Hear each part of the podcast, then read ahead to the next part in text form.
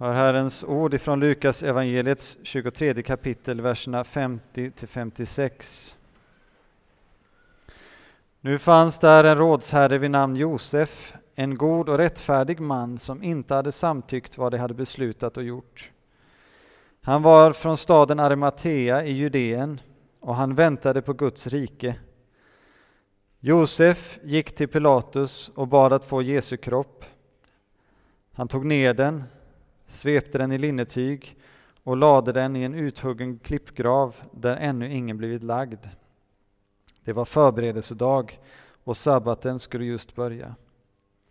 Kvinnorna som hade kommit med Jesus från Galileen följde efter och såg graven och hur hans kropp blev lagd där.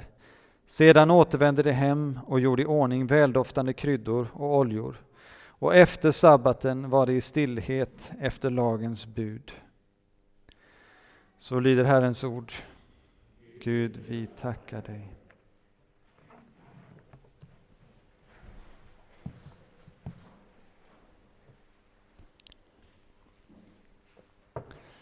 I den sista av passionstexterna så har vi nu kommit fram till Jesu begravning. Hans lidande och död och uppståndelse är vi vana vid att tänka på som avgörande händelser Medan hans begravning är kanske inte något vi ägnar så mycket tanke, utan framstår för oss mest som någonting som nämns i förbigående. Men när Paulus formulerade vad vi får säga är den äldsta kristna trosbekännelsen i Första Korintierbrevet 15, då nämner han, bland de få saker han tar upp, att Jesus blev begraven. Och när man formulerade de eh, fornkyrkliga trosbekännelsen, den apostoliska och den nicenska trosbekännelsen. Då såg man det också som något så viktigt att man hade med det. Korsfäst, död och begraven. Samtidigt som man utlämnar väldigt mycket annat. Eh, och Jesu begravning finns med i alla fyra evangelier. Och, Jesus, och Josef från Arimatea nämns också i alla fyra evangelier i anslutning till Jesu begravning. Och när alla fyra evangelister talar med en mun, då måste det vara något särskilt viktigt. Josef från Arimatea tillhör det stora rådet som vi hörde, där de mest mäktiga och inflytelserika judiska ledarna, inklusive överste, inklusive överste prästen, samlades och fattade beslut och dömde i egentligen livets alla frågor.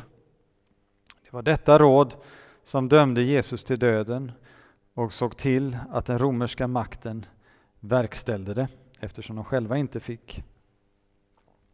Men det står om Josef att han hade inte samtyckt till vad de hade gjort. Och Samtidigt kommenterar Johannes i sitt evangelium att han var en lärjunge till Jesus fast i hemlighet av rädsla för judarna. Och det låter inte så positivt med tanke på vad Jesus sagt om att den som bekänner mig inför människorna ska jag också bekänna inför min fader i himlen, men den som inte bekänner mig ska heller inte jag bekänna inför min fader i himlen. Så säkert hade det gnagt i honom att han i praktiken likt Petrus hade förnekat Jesus. Han hade inte samtyckt till domen man fällde över Jesus, om det innebar att han bara avstod från att, att rösta eller hur det nu gick till, eh, eller om han röstat emot. Eh, det, det, vet vi inte riktigt, men han verkar heller i alla fall inte ha ropat ut att detta är orättfärdigt och protesterat. Troligtvis var det mer som vi kan läsa om Nikodemus när han invänder på formella grunder att man dömde någon utan att först ha hört honom och det, så går det inte till enligt lagen. Eller så ska det inte gå till enligt lagen. Men ändå, nu när det verkar vara för sent stiger han fram och bekänner sig till Jesus. Kanske var detta slutet och det inte skulle bli någon fortsättning. Eller så hade han ett hopp om att något mer väntade. Alldeles oavsett så går han till Pilatus och ber om att få ta hand om Jesu kropp. Så det Josef nu gör kräver ändå mod eftersom Det fanns en risk att genom att komma med denna begäran att man sammankopplades med, med den som då hade dömts som en upprorsmakare, en, en fiende till kejsaren och så vidare. Eh, och att man då själv kunde råka illa ut. Det var inte automatiskt så, men risken fanns. Och Lukas beskriver honom med ord som för tankarna tillbaka till evangeliets början. Till Simeon och Hanna i templet. Framförallt Simeon beskrivs på ett liknande sätt. Om Simeon står det, han var rättfärdig och gudfruktig och väntade på Israels tröst. Och så står det om Josef då från Arimatea här i slutet, att han var en god och rättfärdig man och han väntade på Guds rike. Både vid sin födelse och vid sin död så omges Jesus av människor som i full trohet mot och, och, i kontinuitet med sin judiska tro såg att i Jesus verkade Gud för att inviga sitt rike. Och någon eller några av gångerna Jesus predikar om Guds rike så, så måste Josef ha varit där och hört hans ord. Och hos honom föll orden i den goda jorden och väckte en förtröstan på Jesus hos honom. Så trots rädslan i början så växte sig tron starkare när han förmodligen på håll såg Jesus på korset. Och av den korsfäste fick han mod att bekänna honom. Och då riskerar kanske sin plats i rådet, åtminstone sin ställning bland de styrande eh, och inflytelserika eh, judarna. Men detta riskerar den för att visa Jesus den omsorg som han gjorde i hans död. Men om hans tidigare ställning kanske försvann så verkar det som att han ändå har fått en ny ställning i den tidiga kristna församlingen. När namn nämns på det här sättet i evangelier, och i synnerhet om de nämns i alla fyra evangelier, så är det ofta ett tecken på att de var en del av den tidigare kristna kyrkan och var välkända. Men medan hans namn nämns här, och även rådsherren Nikodemus när man läser Johannesevangeliet, så är det anmärkningsvärt vilka namn som inte nämns här. Som inte finns här. Inte en enda av de tolvs namn nämns. Inte en enda av de tolv var med vid Jesu begravning. De som tidigare uttryckt så stort mod och var beredda till och med gå i döden med Jesus. De hade flytt. Och Petrus förnekar att han ens kände Jesus. Och förbannade och svor att han inte gjorde det. Och på påskdagen lite senare får vi höra hur de hade låst in sig gömda av rädsla för judarna. Så det blev lite omvända roller. Så istället är det de som tidigare varit rädda som nu visar mod. Liksom det runt Jesus på korset är från det mest oväntade håll som bekännelsen till honom kommer. Petrus förnekar, men den romerske soldaten som står detta och ser bekänner honom som Guds son. Och brottslingen bredvid Jesus på korset är den som vädjar till honom om att han ska komma ihåg honom. Så Detta blir som en försmak av den frälsning som korset ska, ska bringa för både judar och hedningar. Och sen finns det genom allt de trofasta kvinnorna. De hade vandrat med Jesus från Galileen. De var med vid korset, om än på håll. Och de är nu med vid hans gravläggning. Och det är de som först går till graven på påskdagens morgon medan de andra har gömt sig och låst och reglat dörrarna av rädsla. De är faktiskt de enda vittnena till alla de tre händelser som återfinns i den, i den nytestamentliga och de fornkyrkliga trosbekännelserna. Hans död, hans begravning och hans uppståndelse. Och genom att de noga la märke till var han begravdes och hur, han, hur hans kropp blev lagd där, så bidrar de med sitt vittnesbörd till trovärdigheten av Jesu verkliga uppståndelse från de döda. Men det får vi ännu vänta med till söndagen. Och under allt detta, inte bara sin trofasthet till Jesus, så eh, står det där också att de var noga med att hålla lagen eh, och vara i stillhet under sabbaten. Så trofasthet till Jesus och trofasthet till lagen. Det hade egentligen varit passande att det hade fått vara det som sörjt för Jesu begravning. Men som så ofta i Guds rike så handlar det inte om några intjänade poäng, någon egen förtjänst eller värdighet. Vi möter ofta i Nya Testamentet hur Gud vänder på det förväntade i att det är den äldste som ska ha den främsta positionen och så vidare. Men här vänder han ofta och det blir den yngste som istället får en, en hög ställning. Vi kan tänka på liknelsen som Jesus berättar om vingårdsarbetarna. Hur de fick samma lön oavsett vid vilken timma de hade blivit kallade att arbeta. Och nu får kvinnorna istället se två främlingar, förmodligen. Kanske visste vem de var, men de var ändå inte kända bland lärjungaskaran. Så. Och det var Josef och Nikodemus. Få se honom hämta ner Jesu kropp från korset, linda den med lindentyg och dyrbara kryddor och bära in den i en grav. Det man kanske lätt missar är hur de judiska ledarna anstränger sig för att inte bli orena inför påskfirandet. De får Pilatus att komma ut ur sitt palats istället för att gå in till honom. För att vara i en hedningshus gjorde att man betraktades som oren och kunde då inte delta i påskens offer. Och att befatta sig med döda kroppar var ändå värre. Till och med att ha dem hängande kvar på korset såg man som något som orenade landet, förmodligen med hänvisning till eh, femte Mosebok 21. Och där har vi också orden om att den som är upphängd på trä är en Guds förbannelse, som Paulus citerade i Galaterbrevet 3.13. Men Josef går in till Pilatus. Han väntar inte utanför för att låta, sig, för att låta bli att orenas. Och han låter sig orenas ytterligare och värre genom att ta hand om Jesu döda kropp och avstår påskfirandet för att kunna visa sin omsorg om Jesus.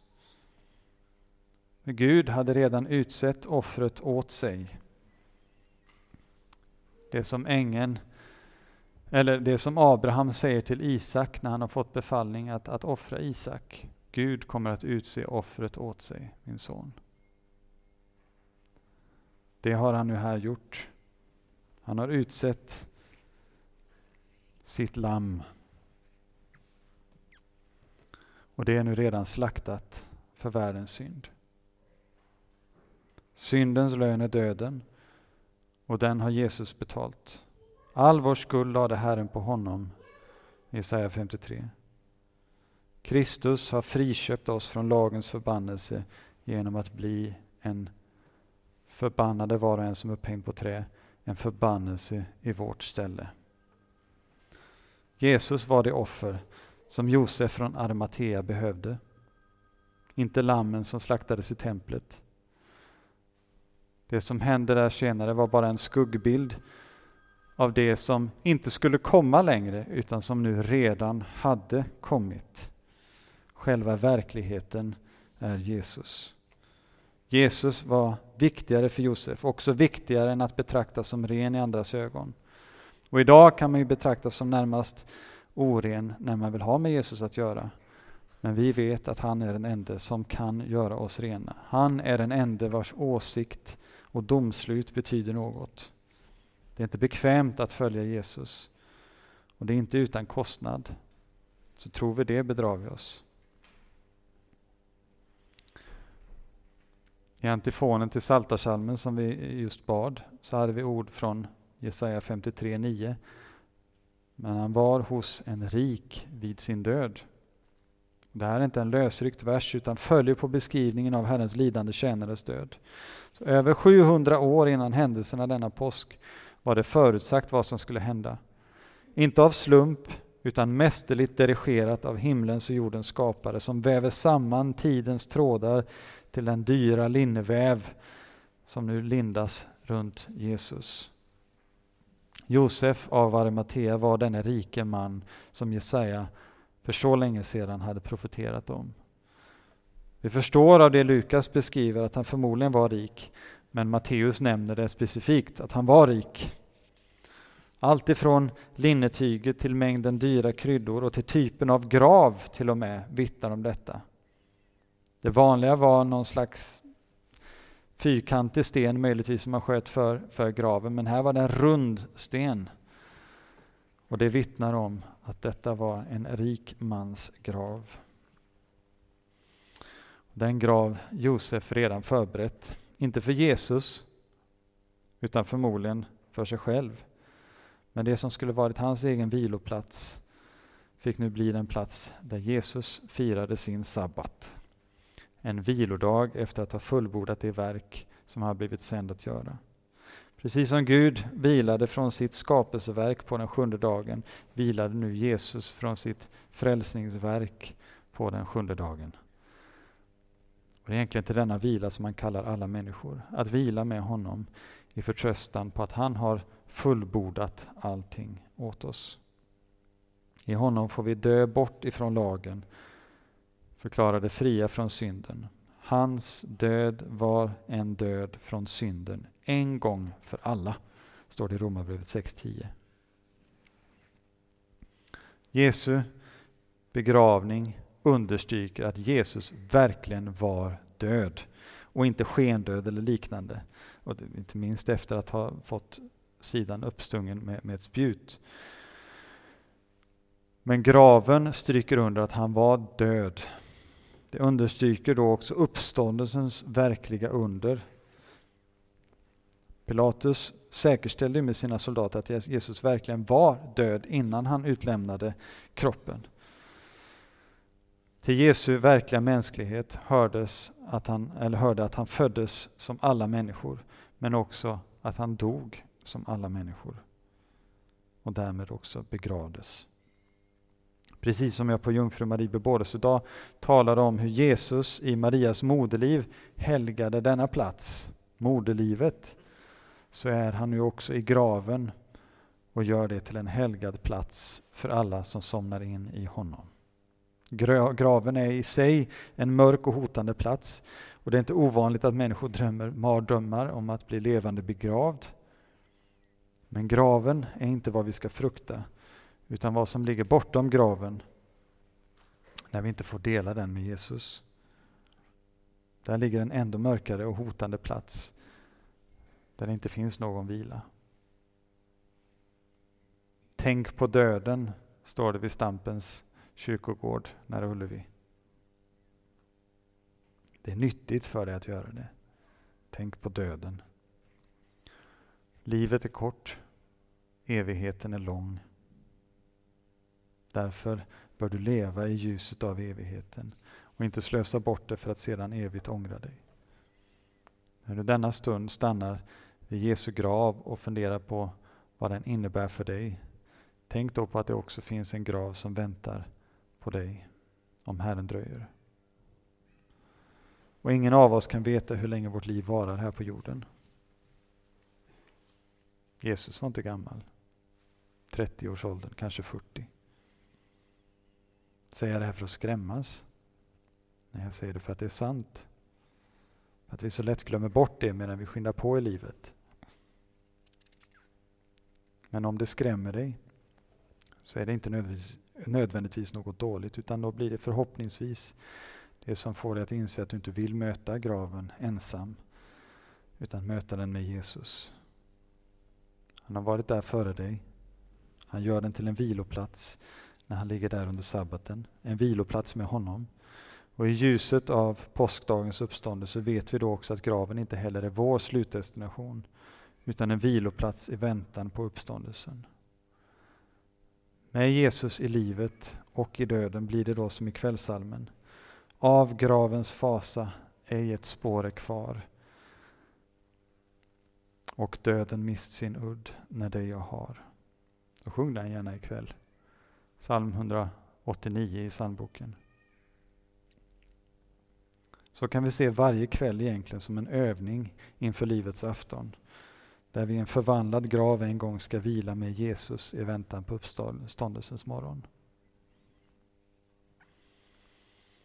Men medan han vilade så var det full aktivitet hos de judiska ledarna. De anade att det är nog inte det sista vi har hört av honom. De anade att detta inte automatiskt var slutet. De visste ju att han uppväckt människor från de döda och hade till och med beslutat sig att döda Lazarus eftersom människor kom till tro på grund av att han blivit uppväckt från de döda. Eller för att Jesus uppväckt honom från de döda.